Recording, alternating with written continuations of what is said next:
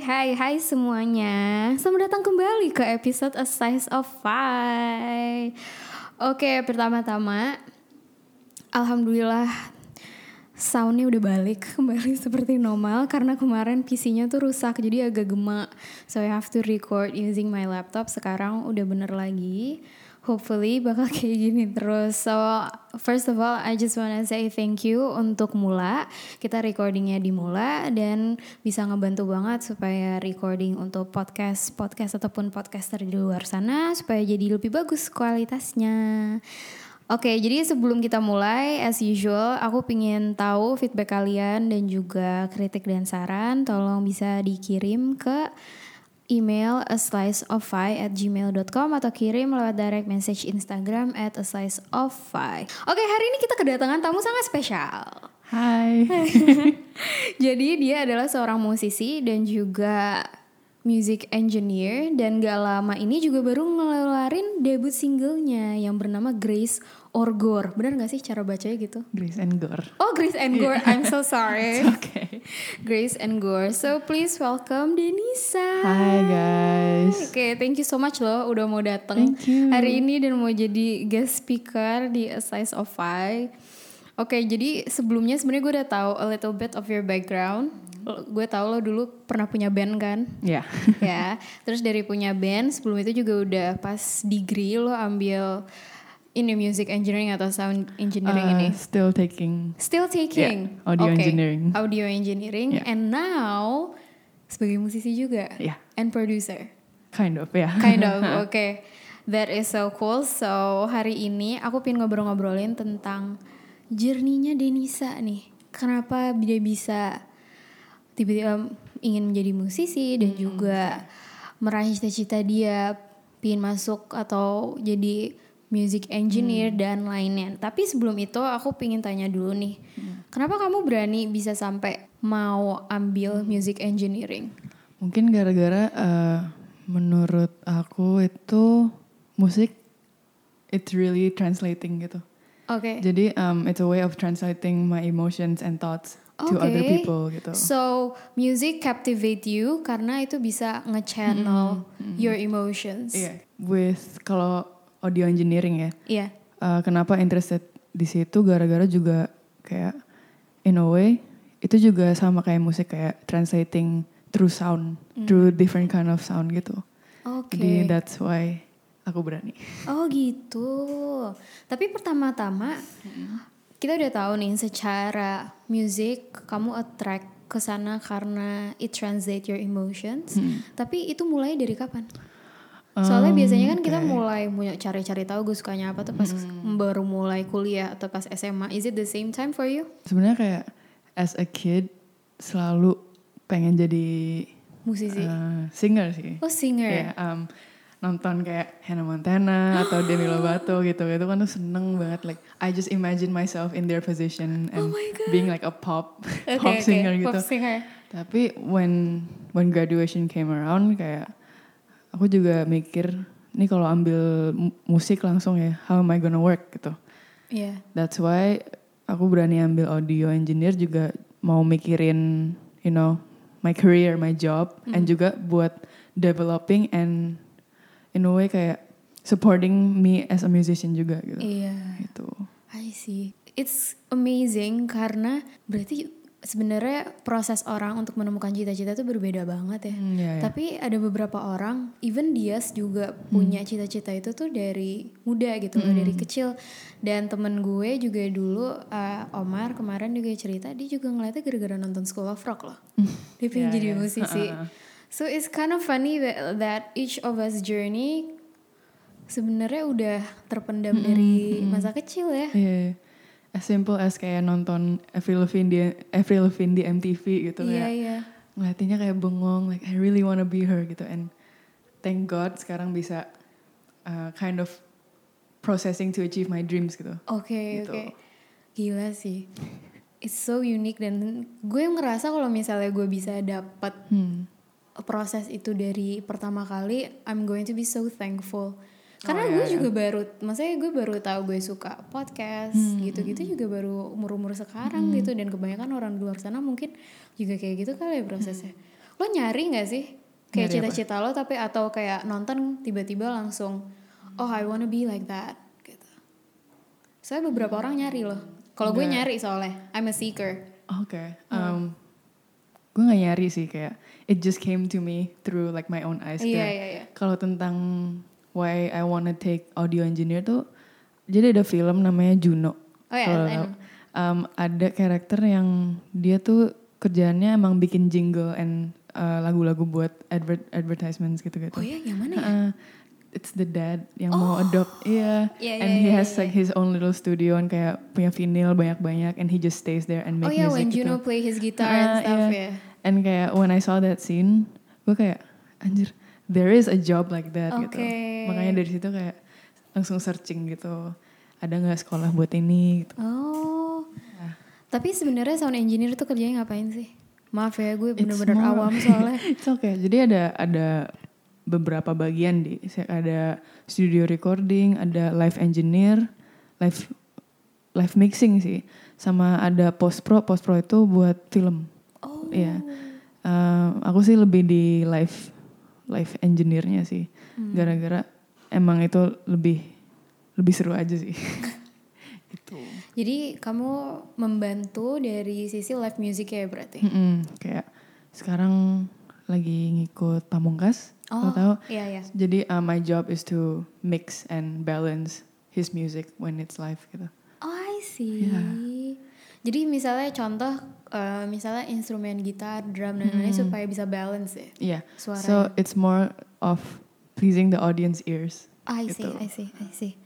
Oke oke oke. Oke lanjut sekarang kita masuk ke topik berikutnya. I wanna talk about challenges and lessons that you learn selama uh, lo ngejalanin ini sebagai karir lo dan sebagai passion lo gitu. Kenapa lo bisa stay dan kenapa lo bisa merintis dari dulu sampai sekarang.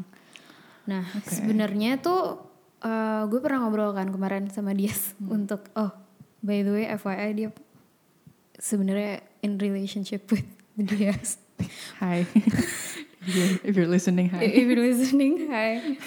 gue pernah bilang ke Diaz bahwa sebenarnya merintis di entertainment industry is not an easy job. Oh yeah, it's not. Yeah. Yeah, it's very competitive and it's very hard gitu. Hmm. Tapi lo juga tetap jalanin aja. Yeah. Nah, menurut lo challenges apa yang lo harus hadapin selama lo mulai menjadi musisi atau menjadi sound engineer? Hmm, kalau musisi ya, Hmm. the more the more I mean I'm I'm still just starting juga kan. Iya, iya.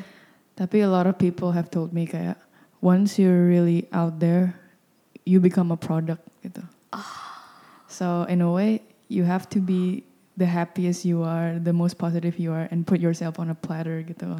Oh my god, I never see it that way. It's like I feel like I'm being I'm Hannah Montana right now gitu. Kayak oke. best of both worlds. Like I do I do like gimana ya?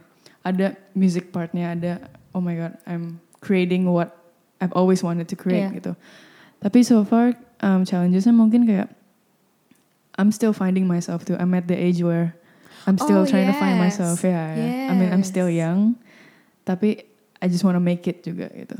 I see, I see. And in a way Oh. kayak nggak mau terlalu rushing prosesnya juga. Oh, I Gitu. see. Actually, I about- feel the same way as Hmm. eh, kayak as you. Soalnya menurut gue di umur-umur segini tuh makanya gue sering banget surround myself with Hmm. positive words, positive feeds, apalagi di Twitter ataupun social media Oh, yang ya. ada di luar sana. It's very easy for us untuk judging ourselves dan juga judging our work karena Yeah. kita suka banget nge-compare diri kita sendiri atau our work with Exactly. ya kan Yeah, dengan orang lain yang ada di luar sana makanya salah satu balance yang gue sekarang juga lagi practice adalah bener-bener taught myself to take care of myself and self love Mm-mm. karena sebenarnya itu yang bakal ngebantu gue produksi podcast ngebantu Yeah, gue yeah. masak Hmm. dan kayaknya itu juga sama ya buat lo Hmm. karena kalau gue makanya sekarang tuh sering banget gue kalau buka Instagram itu banyak yang gue unfollow kalau nggak gue mute Toxic banget. toxic iya. banget soalnya padahal sebenarnya mungkin kontennya nggak begitu toxic ya tapi gue menerimanya jadi Iya, iya, iya. Nggak positif yeah. Iya kan Ha, ha. jadi nggak positif aja gitu jadi kadang-kadang gue pengen cari referensi tapi akhirnya gue malah membanding-bandingkan diri gue sendiri Yeah, dengan orang exactly. tersebut. Especially with kayak pop culture gitu-gitu. Yeah. I unfollowed so much kayak pop singers and models. Iya. Soalnya when you're growing in your career itu kayak bisa ngerusak banget juga sih. Iya itu bakal Nah. ngerusak banget. Iya, iya. Dan kayaknya kalau di apalagi di entertainment industry Oh, kan iya. they really demanded that. Yeah, Iya gak sih? Hmm. Kayak they demanded perfection, they demanded exactly. Iya kan? Ha-ha. So makanya gue ngerasa kenapa lo pingin take it slowly on the process juga mungkin ngebantu lo untuk belajar tentang Hmm. Yeah. diri lo sendiri ya. Because I mean, let's be honest, entertainment industry here just want really pretty girls singing, you know, pop songs gitu gitu. And Iya. this is my moment to prove to people kayak ya female singers can be different juga gitu. Oh iya sih. Yeah, I mean kayak when you look at me, you don't think of uh, gimana ya? Raisa Like gitu. sing- yeah, Iya gitu iya ya. iya iya. Iya sih. Hmm. Dan I think it it takes a lot of courage Yeah. juga supaya lo bisa get out there Mhm, sebenarnya yeah. untuk benar-benar ngerilis what you Yeah, kayak it took me like three years gitu Oh my god. to actually kayak decide I don't wanna be in a band anymore. I just wanna be there for myself gitu. Iya. Yeah. Tapi menurut gue it's something to take respect and honor for Hmm, sih. Ya ya ya. Soalnya lo benar-benar kayak mencari Heeh. gitu ke dalam. Kayak what I learned juga bukan learn sih kayak what I achieve juga Hmm. being a soloist now itu bener-bener I start to respect myself juga. Ah, Like my confidence in my own work itu naik banget. oh I see. Yeah, I don't know, like I come this far, I've been through so much in music and everything kayak it's my time gitu. I don't Iya, care, iya, iya. it's my time. It's my time. yeah. Oh my god.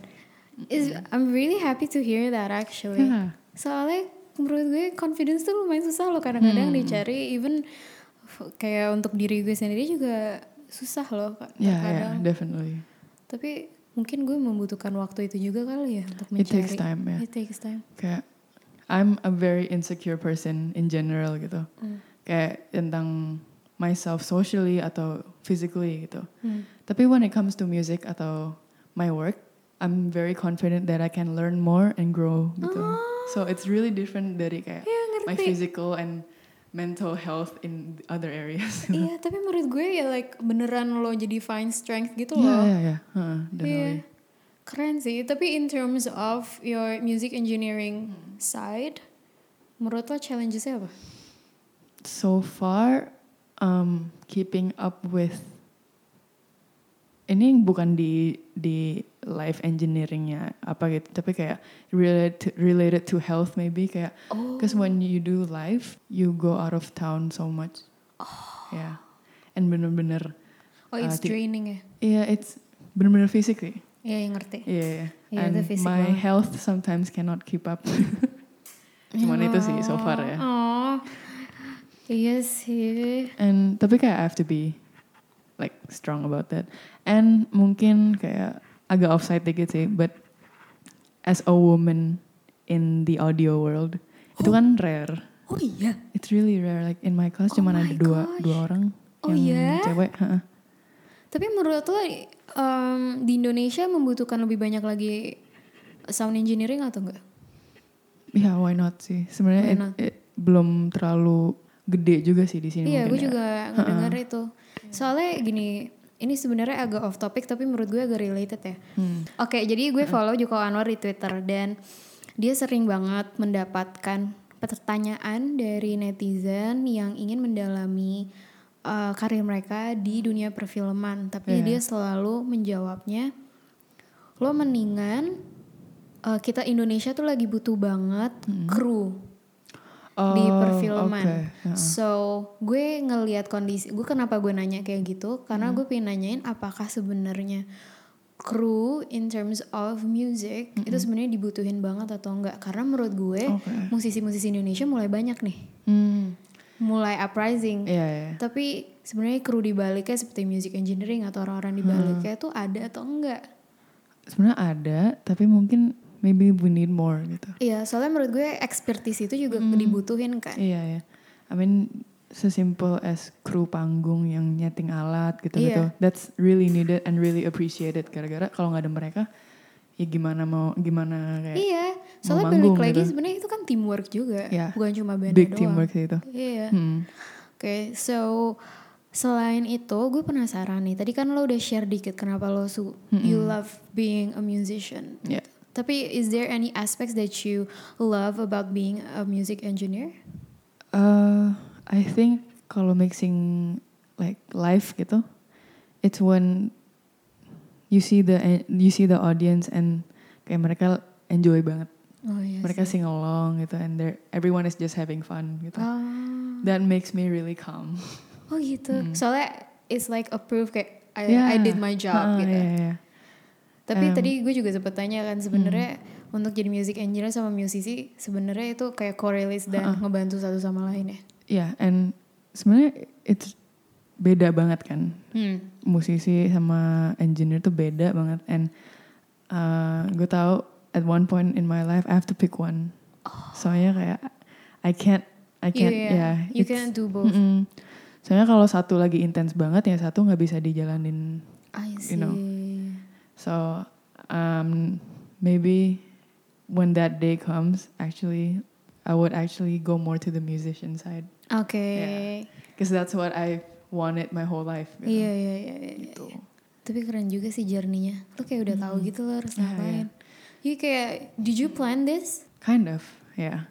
Oke. Since since high school maybe. Oh, that's Yeah. great actually. Heeh, tapi kayak along the way juga lebih matang plannya gitu. Oh, that's great. I just I just knew I wanted to know technical stuff, but I wanted to do more art stuff gitu. Oh, you you've been blessed with that plan sih menurut gue.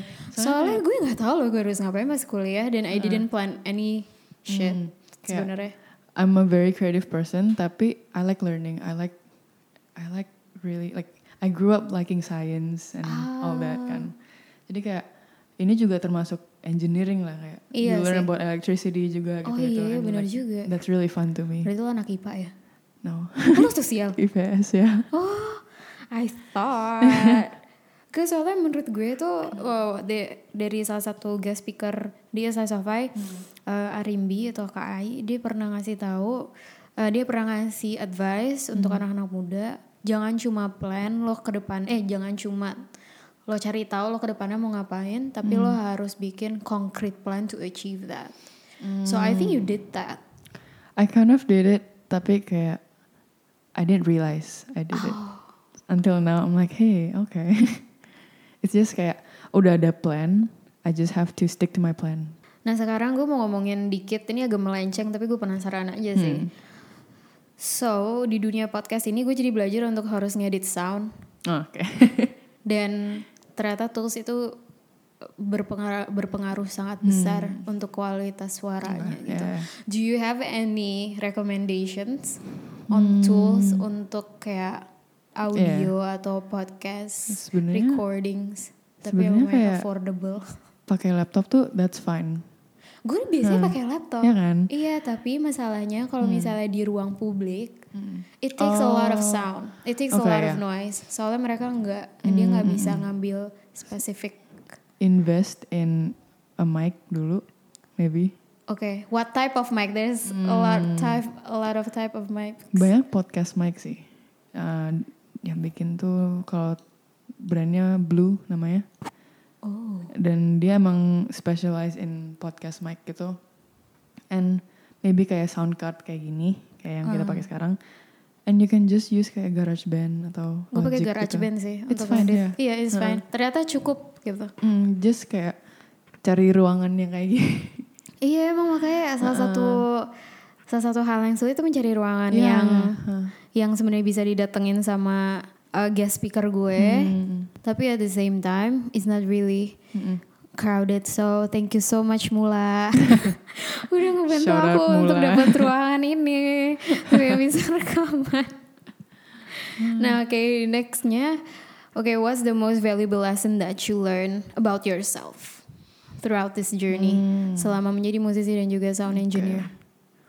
um I guess hard work really pays off Oh ya. oh my god Oh sumpah ya. once you actually achieve gitu anjir It's I really did hard that, though. gitu. Tapi It is hard ya, proses sih. Tapi I also realize emang emang susah sih kayak proud of yourself gitu. Tapi you have to notice all the little achievements juga. Hmm. Kayak as simple as completing lyrics atau completing something gitu kayak bener-bener I lacked um, supporting myself kan Hmm. like in that area. Tapi makin ke sini makin kayak yo I did that. Yeah, I did that. Yeah, yeah, self appreciation. Uh-uh, yeah. Gitu. Tapi Exactly. do you have any advice for upcoming musicians out there? Atau Be- mungkin ada yang mau jadi sound engineer? Be brave, sumpah. Kayak Oh, ya? jangan ragu-ragu. Like be open to learn from anyone and everyone gitu. I know it's hard, tapi just listen. Tapi like don't, you don't have to follow everything. Just filter what you think is not right for you. Tapi kayak just learn a lot. Dan menurut lo belajar dari banyak orang berpengaruh besar nggak? Yeah, cause um you learn from other people's perspective juga kan. Iya, Uh, tapi kayak you add your own perspective juga. Gitu. iya sih. Tapi I can't stress enough Hmm? if you're still in high school, if you're Jangan still ya. like no, uh, like kayak learn, just study, just be rajin. Oke. Uh, you, cause like kalau rajin dari dulu gitu, your habits will follow up until you're, you know. oh true. Yeah, that really helped me. Kayak I Yeah, grew up with pretty strict parents kalau tentang sekolah kan. Oke. That really helped me kayak on time, get get my shit done on time Oh gitu. bener gitu. loh. Mm-mm, Gue juga gitu loh sekarang. kan? Like I feel like I'm very responsible when it comes to deadlines and gitu-gitu. Oh iya gue juga sih. uh, kayak habits from before will kayak ngaruh gitu sama your work life now. Gitu. Ini sama attitude sih. Hmm, kayak I'm a strict bitch when it comes to myself. Oke, now comes to the last part. Oke, Denisa. Menjadi seorang musisi itu requires you untuk showcase hasil karya lo kan. Nah, di luar sana dan juga I mean like you have to put yourself out there and you have to be in the spotlight. yeah. Tadi lo sempat mention bahwa itu membantu lo untuk musiknya sendiri it it actually helps you Confidence. yeah and your, yeah, to uh-huh. find your strength and to find your confidence. Hmm. Tapi is there any time di mana the outside really affects you on the inside? Oh yeah, definitely. Kayak um, I grew up really insecure juga kan. Hmm. Uh, nggak pernah di spotlight juga. I mean like growing up, I was so different than who I was now. I was always bullied. I was this. I was that. Oh sumpah. I like my whole school life I was bullied and really like I'm felt like a nobody gitu. Ih kenapa ya anak-anak kecil jahat banget? I know high schoolers are the meanest, sumpah. Iya Gila. sumpah. And then um, coming into the music industry here and becoming a solo artist and having to, you know, do your best all the time gitu. I don't want to put pressure on myself kayak you have to look the best juga. I don't. Iya sih. I struggle with that enough internally. I don't want to pressure myself to look the best also like for people out there. Gitu. Oh iya sih. Yeah, yeah, I think that that's great that actually you actually know that. yeah. Karena menurut gue kayak banyak sekali nggak sih nggak ya menurut gue lumayan banyak yang secara tidak langsung mereka nggak sadar bahwa they are feel pressured. Yeah, yeah. jujur tapi kayak at first I did feel pressure to be, you know, kayak look, Look a prettier yeah, look and a like, certain way. uh-uh, kayak kurusan gini gitu kayak I wanna be so good, Good, out there yeah. gitu. Tapi lama-lama like, you know, people shouldn't care about the looks. Iya. It's I'm selling my music not myself gitu. Oh iya sih. Ya. Tapi mer- menurut gue dari proses itu apakah lo menemukan jati diri lo? Did you find yourself? Mentally and personality wise, yeah, I'm getting there gitu. Hmm. Tapi as like mm, maybe like being at peace with my own kayak mind and Yeah. body, that's still a long way to go. I mean everyone juga kayak. Oh iya "Huh," sih. yeah. Iya. I mean kayak I do get comments about how I look a lot. Gara-gara Sumpah? oh my god you don't even know ya. Kenapa? Like- Kalau lo di komen apalagi gue anjir? no I mean kayak orang sini juga Because you wear tattoos or what? Bisa ya yeah, a lot of about my tattoos. Kayak it looks bundle or like Oh. people are so close minded oh iya here. huh? sih. Iya. And it's like with my height and my weight But I love your height. it orang sini tuh like they just know what to pick on.